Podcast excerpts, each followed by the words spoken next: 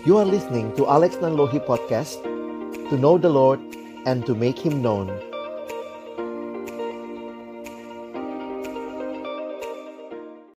Kita akan melihat di dalam Yeremia 17 ayat 9 dan juga kita akan melihat dalam Amsal 4 ayat 23. Saya sudah menuliskan ayatnya di screen, jadi teman-teman nanti bisa memperhatikan apa yang tampil di screenmu ya.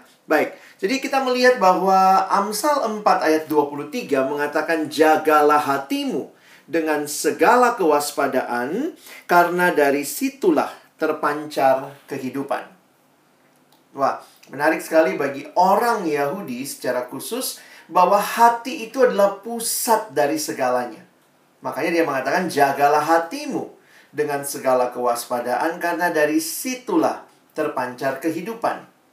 Ketika Allah menciptakan manusia begitu indah, begitu sempurna, maka tentunya juga hati yang harusnya diciptakan oleh Allah bagi Allah itu harusnya bisa menghasilkan dari hati itu menghasilkan kehidupan, perbuatan, baik pikiran, perkataan begitu ya yang harusnya juga indah, ya. Tetapi coba lihat Yeremia 17 ayat 9, ini realita bahwa manusia sudah jatuh dalam dosa. Sehingga Yeremia mengingatkan betapa liciknya hati. Nah, coba selaraskan dengan Amsal itu ya. Kalau hati itu pusat kehidupan, waktu hatinya licik, waduh, hidupnya pun akan licik ya. Lebih licik daripada segala sesuatu. Hatinya sudah membatu, siapakah yang dapat mengetahuinya? Jadi hari ini waktu kita bicara who is me in your heart, siapakah aku di dalam hatimu? Kalau ini adalah hal yang Tuhan tanyakan kepada kita, maka realita dunia memberikan kepada kita fakta ini. Bahwa setelah jatuh ke dalam dosa, betapa liciknya hati itu. Ya, sehingga tadi ya, balik lagi, what is the heart of the problem? The heart of the problem is the problem of the heart. Saya pikir penting nih, teman-teman ya. Kita coba periksa hati kita, ya. Makanya waktu menyanyikan beberapa pujian dalam uh, kekristenan kayak misalnya selidiki aku, lihat hatiku. Karena dari hati itulah terpancar kehidupan ya, seperti yang Amsal ini tegaskan bahwa jagalah hatimu. Guard your heart jagalah dengan segala kewaspadaan. Nah, nah teman-teman, saya ingin mengajak kita mencoba melihat um, ada masalah apa dengan hati manusia ini, ya.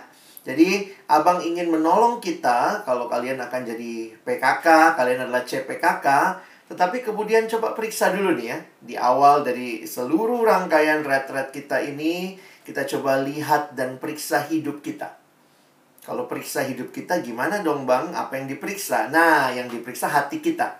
Karena apa? Karena dari situlah sumber segalanya. Nah, karena itu mari kita lihat bagaimana firman Tuhan menerangi kita untuk memahami tentang apa yang terjadi di dalam hati.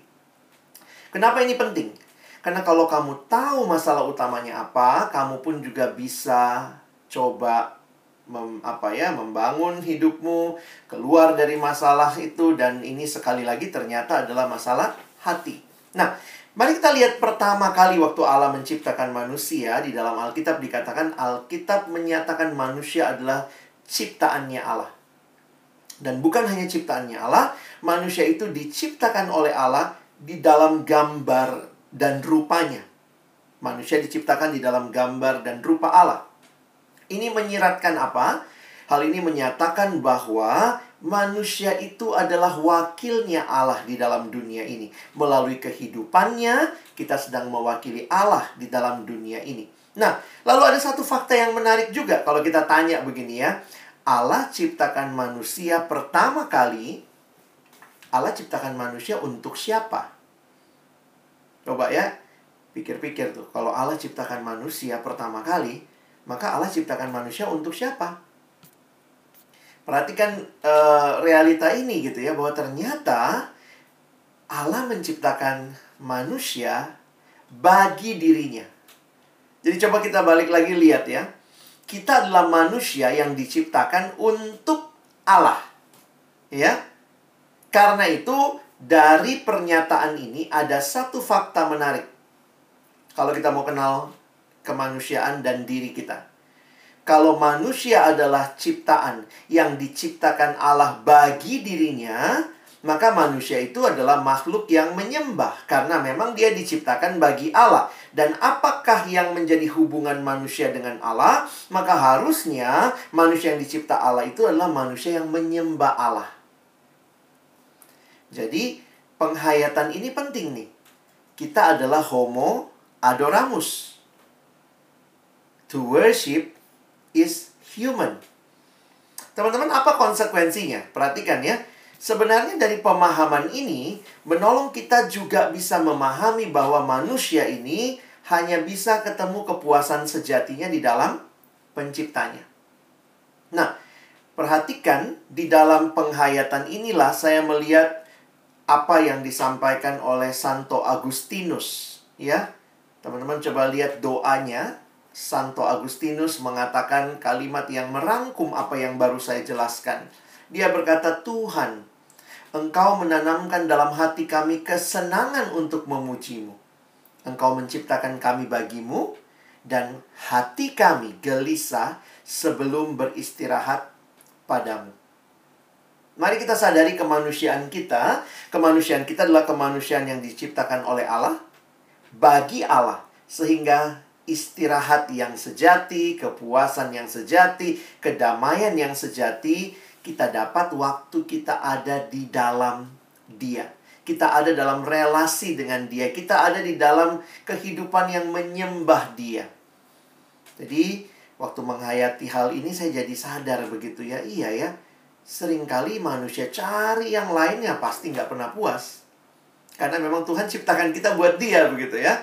Makanya ini orang pintar. Kalau kalian bagian fisika mungkin akan ketemu dia banyak orang pikir dia cuma ahli ilmu pasti, tetapi ternyata Blaise Pascal juga adalah seorang Kristen yang sungguh-sungguh dan beberapa catatan yang dia tuliskan dalam uh, tulisan-tulisannya yang kita masih miliki sampai sekarang, dia mengatakan hal ini.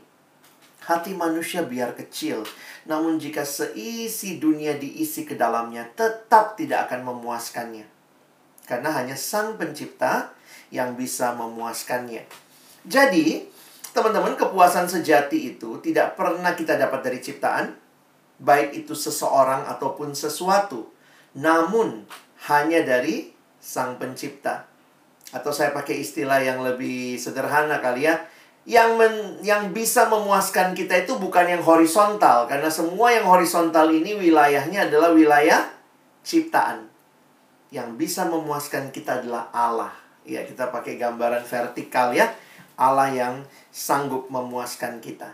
Nah, sampai di sini saya harap kita bisa memahami bahwa sebenarnya manusia adalah satu uh, ciptaan ya. Kita adalah ciptaan yang dicipta dengan begitu indah oleh Allah. Nah, Abang mau lebih jauh lagi menggali tentang menyembah. Ya. Kalau kita balik kepada yang kita baca tadi, bahwa Allah menciptakan kita untuk menyembah Dia. Nah, manusia adalah makhluk yang menyembah. Jadi teman-teman bisa perhatikan di dalam kehidupan kita pilihan kita itu begini. Bukannya jadi kita punya pilihan bukan pilihannya menyembah atau tidak menyembah, nggak bisa. Karena kita adalah makhluk yang diciptakan untuk menyembah, maka default setting kita, setting dasar kita adalah pasti menyembah. Jadi tidak ada itu pilihan sedang menyembah atau tidak sedang menyembah. No, at the same time, karena kita adalah makhluk yang menyembah, kita pasti menyembah.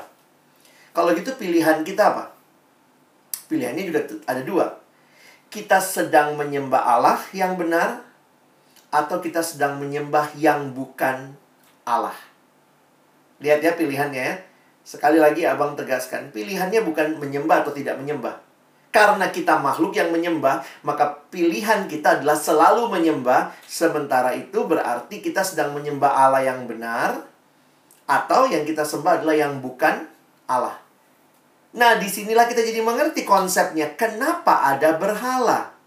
Karena siapa pun atau apa pun yang menggantikan posisi Allah sebagai yang terutama dalam hidup kita disebut berhala. Kan kita selalu menyembah. Nah, waktu kita tidak sedang menyembah Allah, yang lain yang kita sembah yang bukan Allah itu namanya berhala.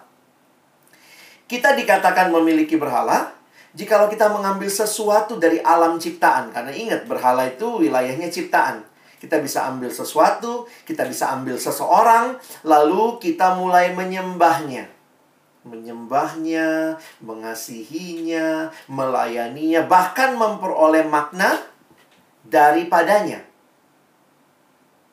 Harusnya kita itu dapat makna dari mana? Makna hidup kita justru harusnya dari Allah yang sejati. Tapi waktu kita merasakan bahwa oh berhala ini bisa kasih makna dalam hidupku. Nah, ini jadi mengerikan. Nah, teman-teman ada fakta yang menarik juga yang kita harus perhatikan. Kalau berhala itu dari ciptaan, maka ingat baik-baik. Ciptaan itu tidak semuanya jahat. Iya dong, tidak semuanya uh, kan Allah waktu mencipta sebenarnya menciptakan dengan sangat indah, dengan sangat ideal, lalu jatuh dalam dosa. Nah, kemudian apa yang terjadi?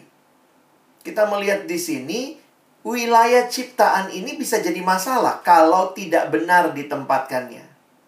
Karena itu ada kalimat begini.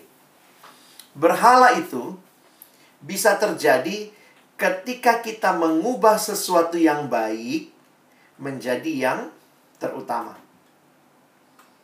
Contoh, uh, uang baik nggak? Oh baik. Alkitab tidak melarang soal uang. Yang dikasih tahu di Alkitab nggak boleh cinta uang.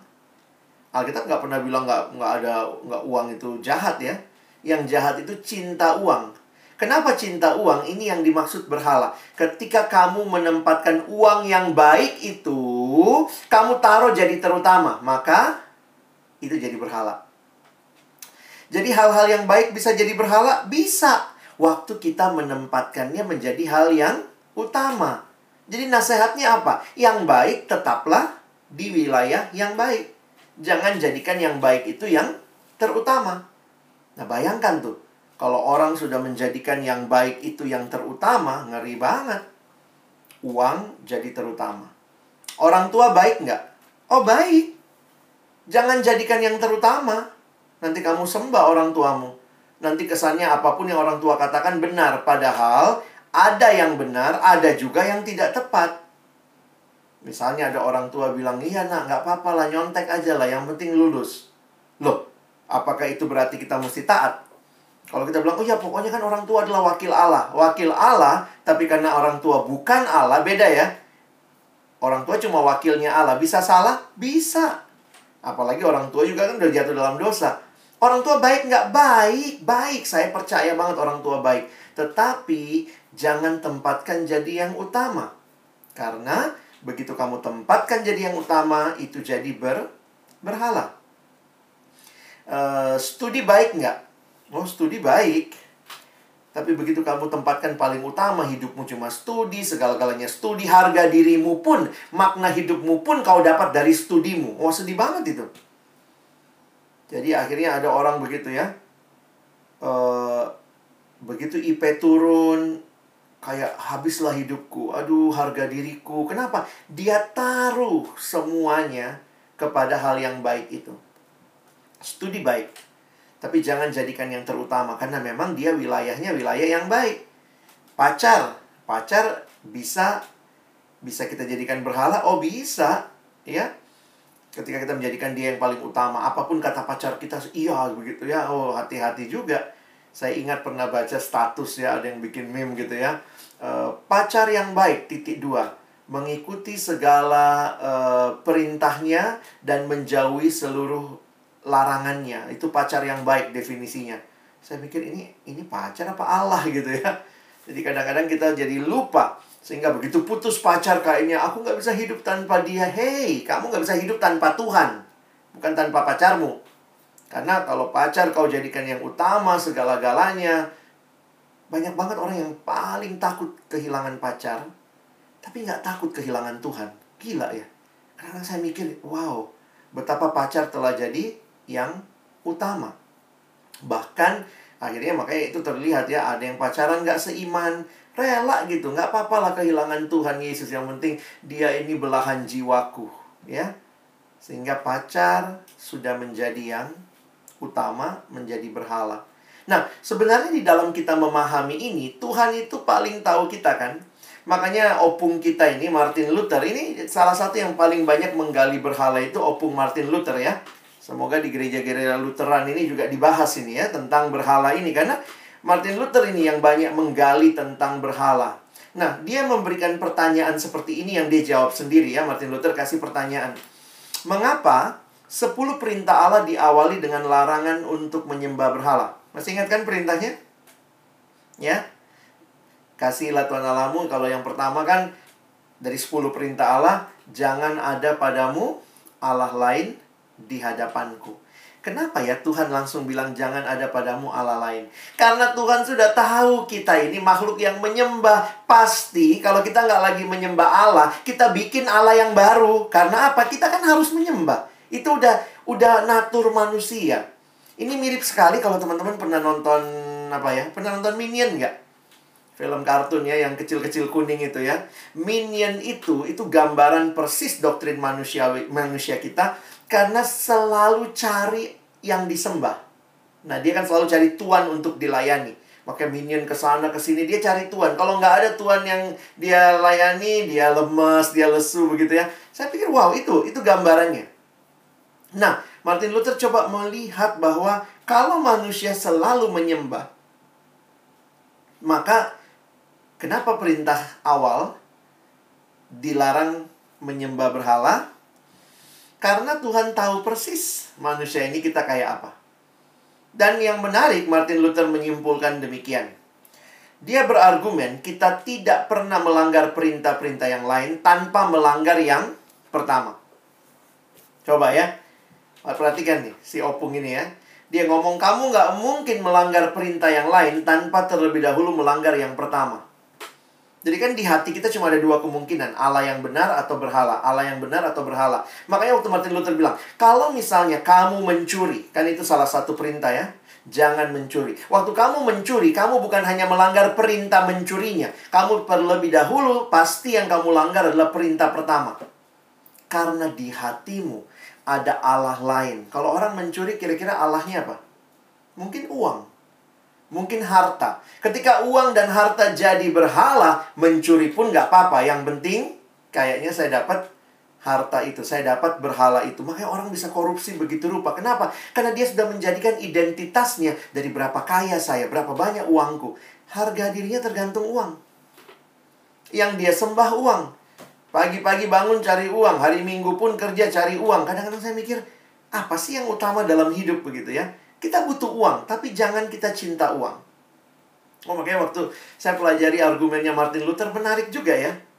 Kamu nggak mungkin cuma melanggar satu perintah. Bersina. Oh, aku melanggar uh, dari 10 bang, aku cuma melanggar yang bersina. Martin Luther bilang nggak mungkin. Pasti yang kau langgar nomor satu dulu. Karena di hatimu ada seks yang utama. Sehingga begitu bangun pagi, nonton pornografi, seks yang utama, masturbasi, nikmati itu kenajisan.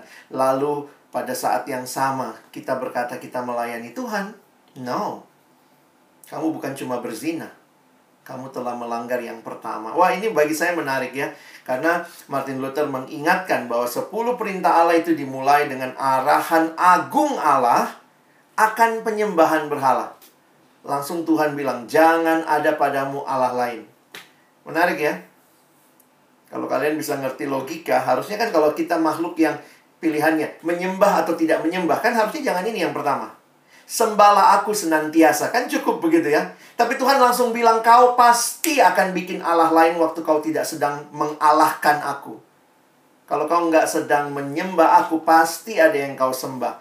Makanya, uh, ini opung satu lagi ya. Tadi opung Martin Luther, maaf saya lupa slide-nya di sini ya. Opung Calvin, Yohanes Calvin, Bapak Reformasi, juga mengatakan, kalau demikian, maka sebenarnya hati manusia itu, kata Calvin, adalah pabriknya berhala. Karena kan kita akan selalu menyembah. Nah, begitu hati kita tidak menyembah Allah, kita bikin lagi Allah baru yang disembah. Entah itu uang, entah itu apa. Langsung Calvin bilang, human hearts is the factory of idols. Karena selalu hati ini yang memang disetting untuk menyembah selalu cari apalagi yang disembah. Ya kenapa? Nggak puas aku sama Allah. Ngapain Allah cari yang lain cari yang lain cari yang lain? Radarnya jalan untuk cari yang disembah. Dan itu menjelaskan kenapa kita seperti ini.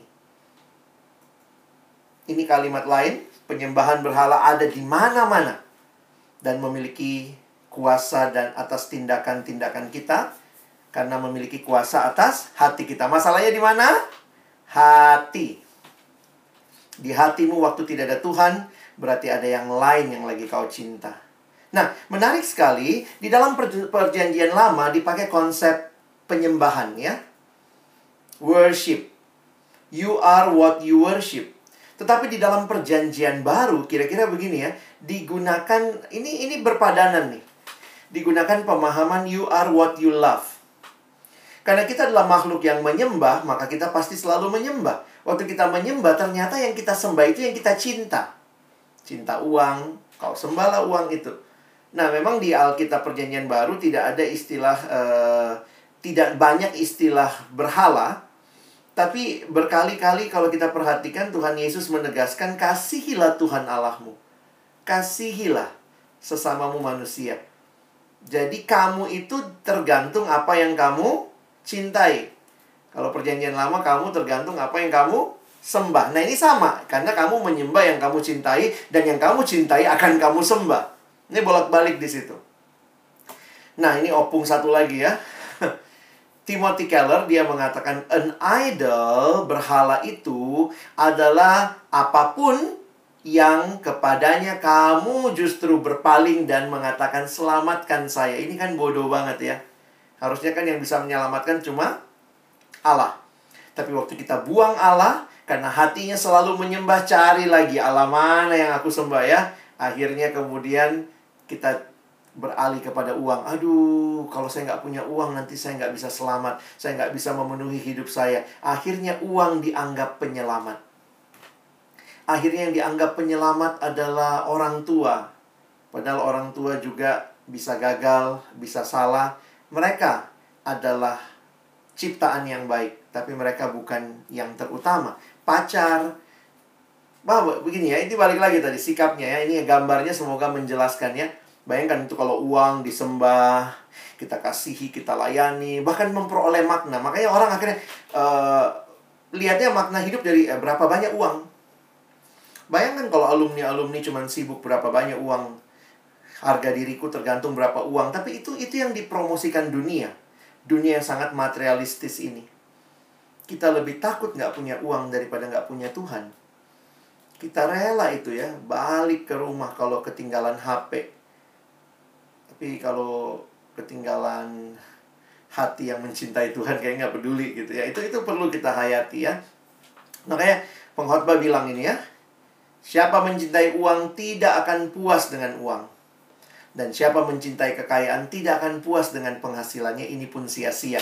Nah, menarik teman-teman, karena kita akan selalu menyembah, masalahnya adalah apakah ciptaan-ciptaan yang kita sembah itu, yang baik itu, bisa memuaskan kita. Nah, pengkhotbah ingatkan, orang cinta uang nggak pernah puas dengan uang. Kenapa? Karena semua berhala ini nggak bisa memuaskan. Nah, makanya kenali berhala hatimu ya. Apa yang jadi berhala kita? Game online mungkin dari situ kau dapat harga dirimu. Ah, udah level berapa kau? Aku dong udah level segini. Wih kayaknya naik harga diri kita. Kita spend waktu kita tekuni. Nggak salah main game ya. Tapi kalau kamu jadi menjadikan itu identitasmu itu yang salah. Kamu menjadikan itu segala-galanya. Kalau punya tidak ada waktu baca Alkitab tapi main game selalu ada waktu. Jangan-jangan kita nggak te tepat menata hati kita. Ya? Pornografi studi. Jadi ini ada hal yang jelek ya, pornografi ya jelek ya, bukan hal baik ya. Tapi ada hal baik, uang baik, keluarga baik, pacar baik. Medsos, medsos juga sebenarnya baik ya kalau kita pakai dengan benar. Tapi kalau akhirnya kamu posting sesuatu, dikit-dikit ngecek berapa yang like, kalau yang like-nya dikit kayaknya harga dirimu turun, kalau yang like-nya banyak harga dirimu naik. Emangnya medsos itu Tuhan gitu ya. Kalian mesti hati-hati. Kenali berhala hatimu. Apakah ini berhala-berhala yang ada di hati kita? Makanya lihat ya, eh, periksa hidup kita ya. Kita akan jadi PKK. Tentu belum ada dari kita yang sempurna. Tapi ketika kita mau berubah, nah ini abang ceritakan dasarnya. Gimana kau tahu kenapa aku kayak gini ya? Dikit-dikit porno, dikit-dikit porno, bangun porno. Kenapa aku iri hati ya? Nonton nonton apa? Lihat medsos orang kok aku kesel lihat dia bahagia begitu ya. Nah, ini masalahnya di mana? Alkitab mau bilang masalahnya di hatimu. Cek hatimu. Sebelum kau mengubah perilaku di luar, atau istilahnya begini, kalau hatinya nggak dibereskan, maka perilaku di luar ini diselesaikan, muncul lagi perilaku lain. Kenapa? Karena akarnya nggak beres. Ya, jadi ini eh, hal-hal uh, baik apa yang bisa jadi berhala? Ya, macam-macam. Ini bisa jadi berhala juga. HP, HP baik nggak? Oh baik. Tapi kita terikat sama HP. Terikat dalam pengertian saya adalah kemudian ya HP yang kita bilang smartphone itu nggak smart-smart juga gitu ya. Ini mungkin goblok phone ya. HP yang smart katanya, tapi dari situ juga kita jatuh dalam dosa. Kita buka pornografi dari HP kita. Apa sebenarnya hal yang baik tapi kita pakai dengan tidak baik? Kita hidup dalam dunia materialistis ya. Jadi misalnya juga ini bisa jadi berhala. Belanja boleh, tapi gila belanja udah berhala tuh. Hati-hati ya. Nah, nonton drama Korea. boleh nggak? Ya boleh dong kalau nggak marah kalian ya. Tapi ya begitu, kadang-kadang semangatnya luar biasa ya. I'm so tired but I cannot stop watching.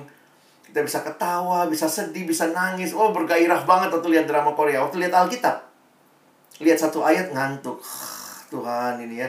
Kadang-kadang saya pikir jangan-jangan apa yang salah dengan kerohanian kita ya.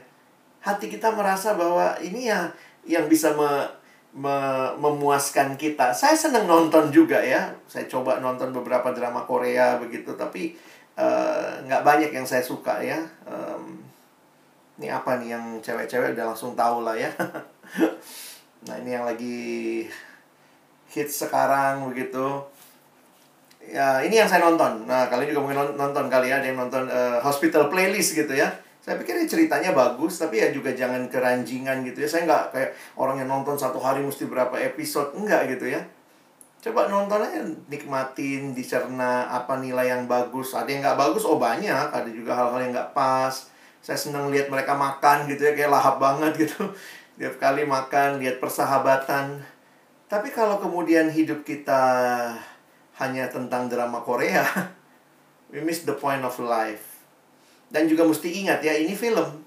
Kadang-kadang juga itu ya memang orang kalau ngefans banget gitu ya sampai apa uh, dia yang berantem di dramanya kita yang kesel seharian apa hubungannya gitu ya. Dia yang putus cinta kita yang uring-uringan gitu. Nah ini realita-realita yang terjadi di sekitar kita ketika begitu banyak hal yang baik tetapi ketika yang baik itu kita jadikan yang terutama jangan lupa hidup kita pasti akan terpengaruh dan menjadi di saya pakai istilah diperbudak oleh hal-hal ini. Ingat, hal yang baik bukan tuan kita. Kitalah yang harusnya jadi tuan atas hal-hal yang baik. Nah, yang pria-pria mungkin kalau bilang, oh gue nonton drama Korea bang, cemen amat sih cowok nonton drama Korea. Nah, mungkin ini berhalamu ya. Apalagi lagi libur-libur begini kayaknya. ya, nggak salah main game, tapi balik lagi ya Apakah kita cuma main game hidupnya? Nah, belum lagi yang tadi abang bilang ya masalah pornografi. Nah, saya coba melihat belakangan ini akhirnya iya ya, banyak orang yang menjadikan ya termasuk kayak LGBT lah, dianggap inilah kebebasan, kebenaran. Jadi bicara kebebasan, itu kebebasan itu baik, tapi kalau kamu jadikan segala-galanya kebebasan, lo hati-hati. Jangan-jangan untuk hal yang salah pun kau bilang benar. Termasuk ini ya LGBT ya lagu boti ya. Kadang-kadang orang berpikir tentang hal-hal seperti ini katanya hak asasi manusia tapi kemudian akhirnya tidak melihat bahwa sebenarnya ini bukan hak asasi kita sayang, saya sayang sama orang-orang yang punya pergumulan seperti ini. Kita mengasihi mereka, tapi bukan berarti kita setuju perbuatan mereka, ya. Nah, belum lagi ada yang terjebak sama sex before marriage, karena nafsu begitu rupa sehingga pacaran. Nah ini nggak nggak terkecuali loh. Saya melayani beberapa pengurus PMK yang jatuh dalam dosa seperti ini. Ketika kemudian nyoba-nyoba apa main-main ke kosan, tutup kamar, lama-lama kan kita itu walaupun pengurus jangan pikir kita nggak punya nafsu. Tuhan ciptakan kita sebagai makhluk yang punya nafsu. Tapi kalau kamu jadikan nafsu segala-galanya, ya jatuh dalam hal-hal seperti ini, ya. Nah, jadi perhatikan baik-baik yang namanya penyembahan berhala itu akarnya. Jadi abang mau bilang begini, kalau kalian lihat di permukaannya ada hal-hal yang terjadi, sebenarnya akarnya itu adalah penyembahan berhala, ya. Makanya saya tulis di sini idolatry isn't just one of many sins. Rather, it is the one great sin that all others come from. Jadi ini dasarnya yang dari situlah terpancar semuanya. There are a hundred million different symptoms, but the issue always idolatry. Saya pikir Alkitab kasih kita kacamata melihat dunia ya. Kalau kita lihat, iya ada anak, dia bunuh bapaknya. Kenapa ya? Kita bisa jelaskan secara psikologi, kita bisa jelaskan secara uh, sosiologi, kita bisa jelaskan secara kriminologi. Tapi Alkitab bilang, no, itu karena ada berhala lain di hatinya bukan Tuhan. Alkitab itu kasih kasih kita kacamata melihat seluruh dunia ini dengan lensa yang benar, termasuk melihat hidup kita. Kenapa ya aku udah calon PKK kok kan masih kayak gini ya? Masih suka marah, masih suka iri hati, masih suka dendam, kadang-kadang masih suka dengan hal-hal yang porno, hal-hal yang najis. Mari kita gali hati kita. Dan tahu bahwa oh iya ya masalahku adalah di hatiku dan ini bukan hanya bicara perbuatan teman-teman, tapi saya melihat kalau nanti kalian bisa belajar ya, uh, saya nggak punya waktu karena sebenarnya kalau bahas berhala itu mesti step by step ya. Abang udah coba rangkum begitu rupa supaya kalian memahami. Tapi cobalah screenshot gambar ini ya. Slide-nya nanti abang bagikan juga. Tapi coba cari-cari juga. Karena ini dalam bukunya Timothy Keller, dia coba merangkum sebenarnya ada empat berhala dasar dalam hidup manusia berhalanya dia bilang berkaitan dengan kuasa, penerimaan, kenyamanan, dan kontrol. Ingat, empat ini juga hal yang baik kan? Kalau hidupmu cuma cari sukses, aku dulu keluargaku disepelekan bang, sekarang aku pokoknya ingin sukses, ingin hidup, pokoknya supaya ngalahkan orang lain, biar dilihat, ditengok keluarga kami. Oh, berarti mimpi terburukmu penghinaan. Dihina sedikit, dievaluasi langsung bisa marah, emosimu marah, biasanya orang itu emosinya marah. Dan orang di sekelilingmu akan merasa digunakan, sadar atau tidak. Nah, kalian bisa gali nih. Kadang-kadang kalau abang suka bilang begini, ini lihat yang paling kanan aja lah. Apa yang sering kali jadi masalah emosimu. Aku bosenan bang, aku bosenan. Jangan pikir itu cuma masalah bosan. Lihat lagi tuh. Oh, mimpi terburuknya aku nggak bisa stres, aku nggak nggak suka di rumah ini, aku bosan. Kenapa? Karena mungkin kamu melihat dirimu, berhala utamamu nyaman. Ada yang berhalanya kontrol, makanya galau terus, risau terus. Ada yang berhala utamanya penerimaan. Jadi paling takut ditolak. Nah, jadinya pengecut tuh, pengecut ya secara emosinya. Nah, nantilah kalian bisa gali ini, tapi maksudnya abang cuma mau mengatakan bahwa ingat loh, bahwa engkau dan saya, karena kita pasti menyembah, maka pasti ada yang disembah. Waktu ada yang disembah, ingatlah yang disembah itu akan jadi Tuhan yang kehadirannya mempengaruhi hidup kita. Kalau berhalamu kuasa, berarti siapa Tuhanmu? Kuasa. Kalau yang kau sembah Yesus, maka Yesus yang jadi Tuhanmu, dia akan mempengaruhi hidupmu. Kalau yang kau sembah penerimaan, maka penerimaan jadi jadi Tuhan atas hidupmu. Ini kalimatnya Rebecca Manley Pippert apa pun yang mengendalikan hidup kita disebut Tuhan kita. Dan kita pasti kan dikendalikan sesuatu. Kita kan makhluk yang menyembah. Orang yang mencari kekuasaan, dikendalikan sama kekuasaan. Orang yang mencari penerimaan, dikendalikan oleh orang-orang yang ingin dia senangkan. Kita tidak bisa mengendalikan hidup kita sendiri. Menarik sekali kalimat ini. Nggak bisa kita itu bilang saya makhluk yang bebas karena kamu pasti menyembah, maka pasti ada yang lagi mengendalikan hidupmu. Jawabannya cuma dua Tuhan Yesus atau berhala. Jadi kita dikendalikan oleh Tuhan atas hidup kita. Nah, makanya saya menarik sekali waktu menemukan satu buku, buku yang merangkum ini semua, merangkum worship, menyembah, merangkum hati. Dari tadi kita Abang tadi mulai dari hati, menyembah, dan sekarang cinta ya. Karena kan kita menyembah yang kita cintai. Makanya ini uh, bagi saya kesimpulan luar biasa nih. Untuk saya mengerti diri saya dan apa yang terjadi pada diri dan saya, diri saya dan sekitar saya. Kita perlu, you need to curate your heart.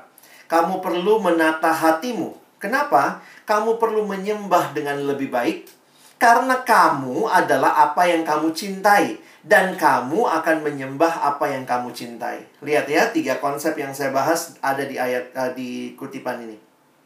Hati, menyembah, dan cinta. Nah, karena itu menarik juga dalam satu buku judulnya Gods at War ditulis oleh Kyle Idleman. Kyle Idleman bilang begini, berarti di hati kita selalu terjadi perperangan pertarungan. Apa yang bertarung? Berhala-berhala ya. Dia bilang the battlefield of the gods atau dari berhala itu di hati kita. Lalu dia lanjutkan penjelasannya.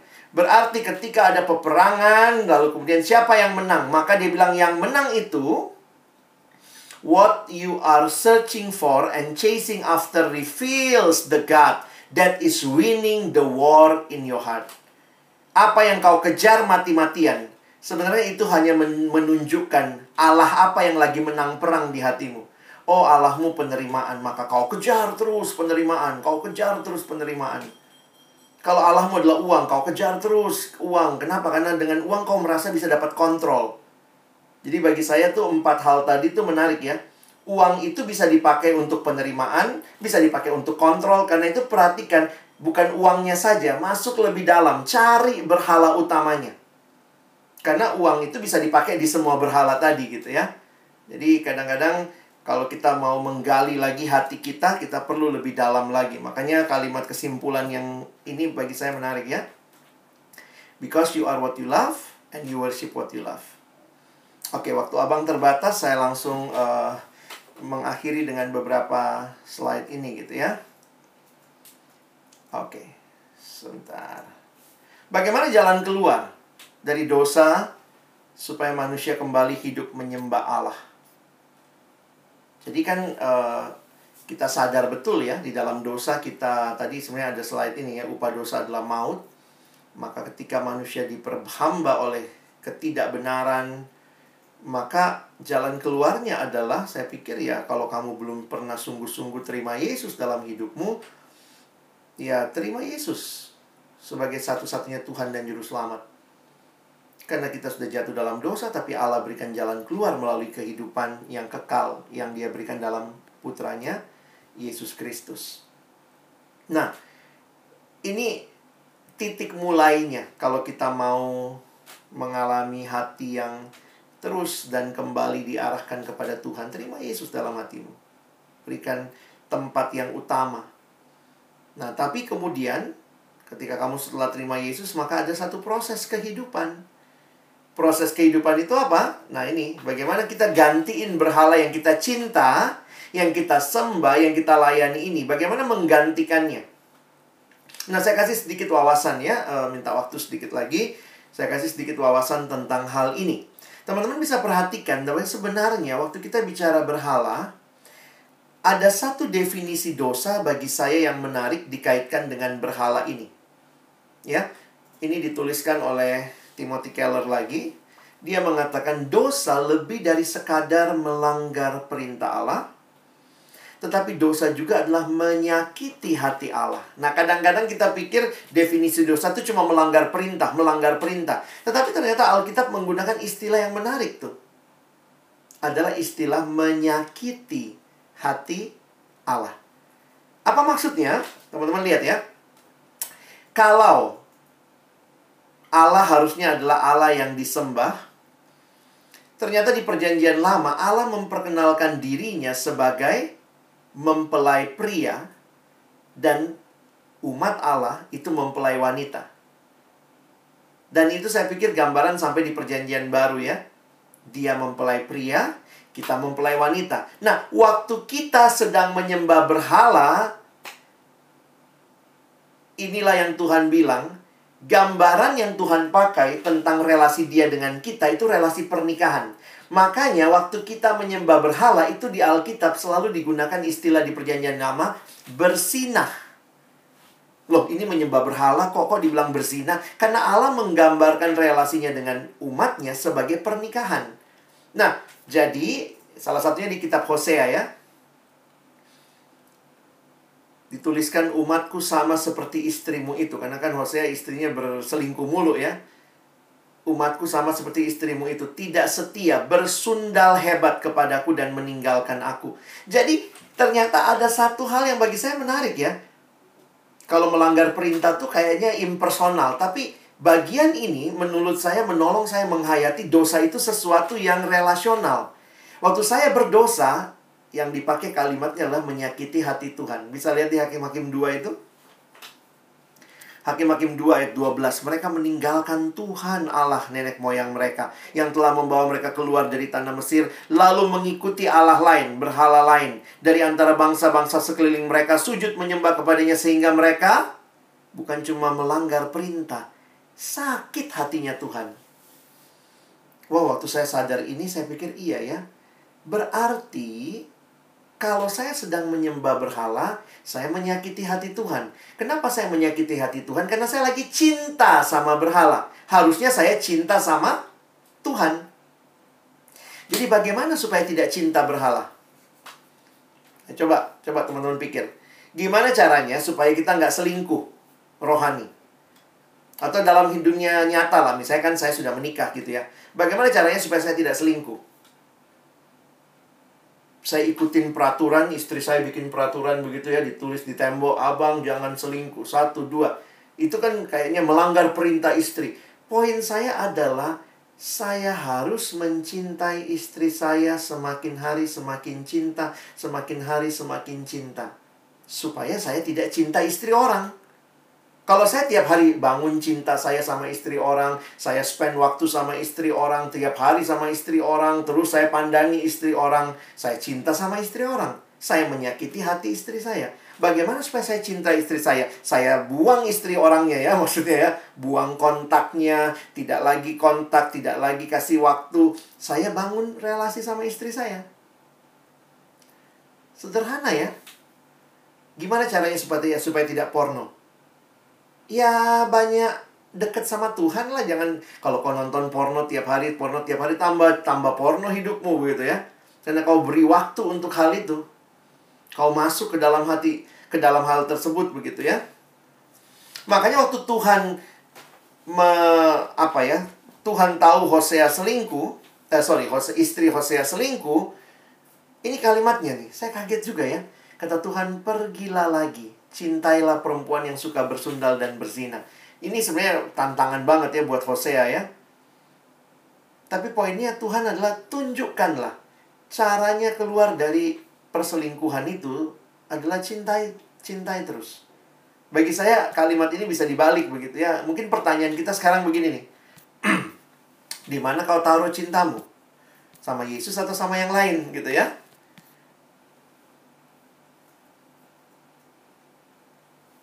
Yesuskah atau berhala yang lagi kita cinta?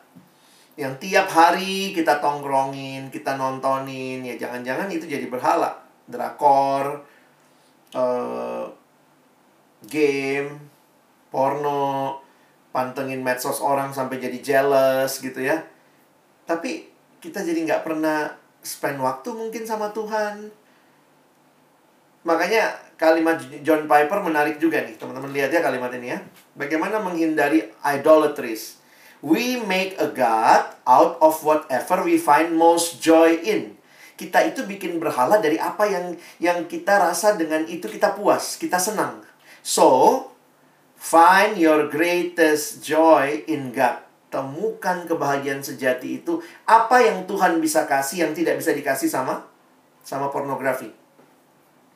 Dengan begitulah kamu akan lihat iya ya Tuhan itu jauh lebih indah daripada pornografi. Nah, kira-kira begitu teman-teman. You need to find your greatest joy in God. Jadi perjalanan kita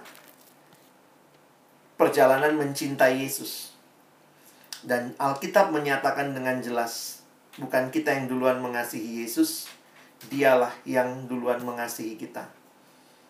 We love Jesus because he loved us first.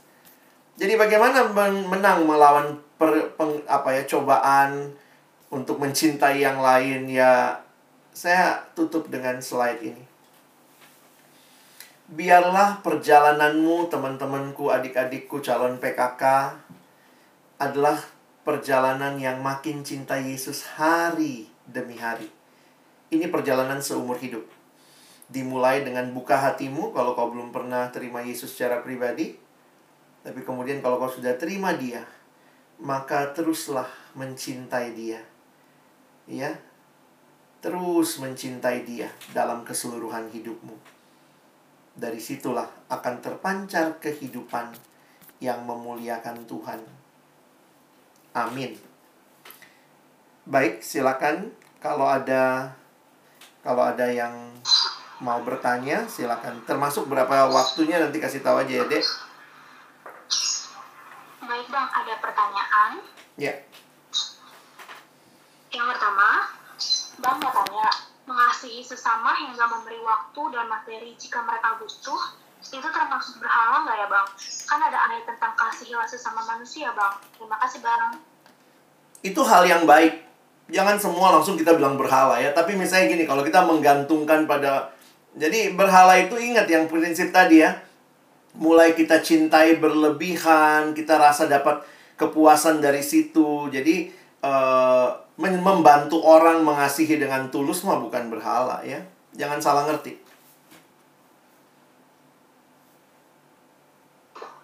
Oke bang, ada pertanyaan selanjutnya nih dari ini kayaknya dari PKK nih bang. Iya. Misalkan saya di tengah pelayanan sebagai PKK, saya jatuh kembali ke dalam dosa lama. Apa yang harus dilakukan ya bang? Karena saya jadi merasa nggak pantas sebagai PKK. Gimana tuh bang? Kalau mau jujur, semua kita nggak pantas melayani Tuhan. Karena itu, saya pikir jalan keluarnya bagi pergumulan kita yang jatuh dalam dosa lama, karena ini ini realita. Kita masih hidup dalam dunia dan masih mungkin jatuh dalam dosa. Ingat, sepanjang kamu hidup, kamu mungkin jatuh dalam dosa. Saya nggak mau muluk-muluk, oh nggak bisa jatuh, nggak bakal jatuh. Alkitab jelas kok, kita di gereja aja tiap minggu ada pengakuan dosa, berarti kan masih bisa berdosa. Tapi poinnya adalah waktu berdosa, apa yang kita lakukan? Kita terus dalam dosa itu kah? Atau kita nggak mau ditegur, pokoknya hidup dalam ketidaktaatan, atau segera bereskan. Nah, makanya kalau saya sebenarnya ada beberapa hal ya yang di bagian akhir slide saya, saya tulisnya begini nih. buat engkau yang sudah melayani lalu jatuh dalam dosa ya akui kegagalanmu. Jangan lama-lama dalam dosa. Datang sama Tuhan dan kalau perlu cari pertolongan dari orang lain komunitas. Nah itu yang e, harusnya terjadi sehingga engkau siap melayani kembali jadi e, kalau beberapa orang ada yang datang dan kemudian minta minta break saya oh, kadang-kadang saya harus lihat kasusnya ya. Jadi untuk kasus tertentu misalnya ya udah mungkin lebih baik dia break dulu, berhenti dulu. Tapi untuk beberapa kasus saya pikir ini kalau dia break makin jauh malah dari persekutuan. Jadi kadang-kadang saya pikir uh, beberapa orang untuk menyelesaikan dosa ada yang merasa dia mesti keluar dari pelayanan. Tapi saya juga melihat kalau ya tergantung apa dosanya ya. Maksudnya poin saya bukannya lihat besar kecilnya tetapi seberapa kamu perlu ditolong. Jadi ketika ada yang sedang bergumul dalam dengan satu dosa yang bagi saya ini sangat perlu ditolong, saya bilang sama dia keluar dari pelayanan untuk dapatkan pertolongan. Tapi ada yang saya bilang ya, udah kita kita mengaku dosa, kamu ngaku ke saya, saya doain kamu, kita sama-sama berdoa, saya akan temani kamu sepanjang minggu ini saya terus ingetin, dia minta pertolongan waktu itu ya. Nah, sesudah itu ya bisa melayani kembali begitu. Tapi penting untuk kita menyadari dan kemudian datang sama Tuhan dan bereskan. Ya. Jadi jangan uh, tidak selamanya. Bagi saya tidak selamanya jawabannya adalah keluar dari pelayanan. Mungkin begitu. Ya, teman-teman yang bertanya tadi boleh menanggapi di room chat. Ada pertanyaan lagi nih, Bang? Ya. Lalu bagaimana Bang bila kita berjuang untuk bertumbuh di sebuah area yang mungkin juga dari Tuhan, tapi kita nggak sadar makna hidup kita jadi bergantung dari itu. Bagaimana ya Bang? Kira-kira contohnya apa ya? Mungkin di sini yang bertanya ada Angel. Angel mungkin boleh menanggapi. Kira-kira maksudnya yang kamu lihat akhirnya jadi bergantung gimana?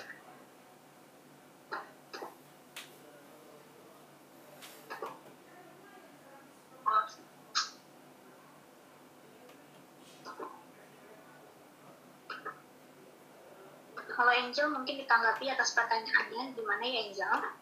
Atau nggak apa-apa deh kalau mungkin Angelnya malu atau apa bacain lagi pertanyaannya supaya Aku bacain lagi ya Bang. ya Bagaimana Bang bila kita berjuang untuk bertumbuh di sebuah area yang mungkin juga dari Tuhan, tapi kita nggak sadar makna hidup kita jadi bergantung dari itu. oh oke Mungkin yang aku dapat di sini kayak dia bertumbuh di lingkungan yang sebenarnya baik-baik aja, tapi kita malah bergantung di lingkungan itu juga. Itu masalah seperti masalah comfort zone mungkin ya Mungkin Bang. Nah, saya melihatnya begini kali ya. Jangan melihat hidup rohani itu hanya satu momen. Kadang-kadang kan kita suka bilang ini ya, jadi kayak orang gitu. Dia di KKR dia ambil keputusan terima Yesus, lalu dia nggak mau lagi lakukan dosa. Apakah dia nggak mungkin jatuh lagi? Kadang-kadang kita lihat momennya, lalu kita juga punya pemahaman harusnya kan dia udah bertobat waktu itu udah terima Yesus, masa jatuh lagi dalam dosa? Kita sendiri membuat itu jadi sebuah dalil yang sebenarnya nggak tepat sih menurut saya. Jadi dalam perjalanan kayak yang Angel tanya itu, saya melihat eh, kalau kamu tetap punya relasi dengan Tuhan setiap hari, setiap waktu, sebenarnya itu jadi kesempatan kamu terus bisa evaluasi. Ini sudah jadi berhala atau bukan? Jadi bukan berarti kalau kita sudah pilih di awal maka pasti akan beres sampai akhir nggak juga. Terus evaluasi diri kita. Jangan-jangan udah jadi berhala nih, jangan-jangan udah jadi berhala nih.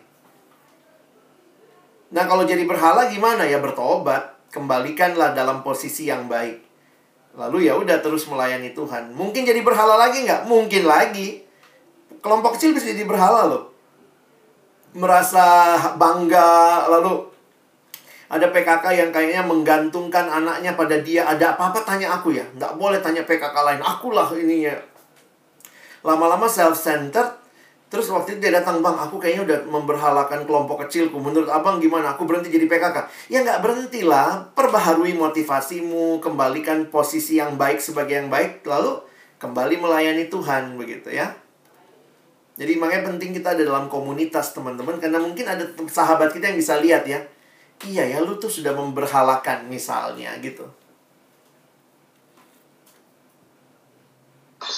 Ya teman-teman yang ingin bertanya lagi atau ingin menanggapi bisa banget nih di room chat ya.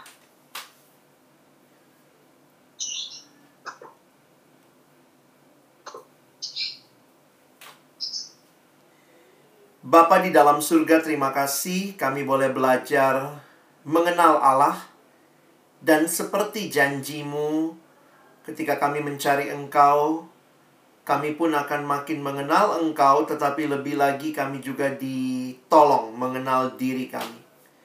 Manusia yang terbatas yang selalu mencari objek untuk kami sembah. Dan kembali kami diarahkan untuk menyembah Allah. Satu-satunya yang dapat memberikan kepuasan sejati bagi kami. Sekali lagi terima kasih buat kesempatan kami belajar. Tolong kami bukan cuma jadi pendengar firman, mampukan jadi pelaku firman. Dalam nama Yesus kami berdoa. Amin.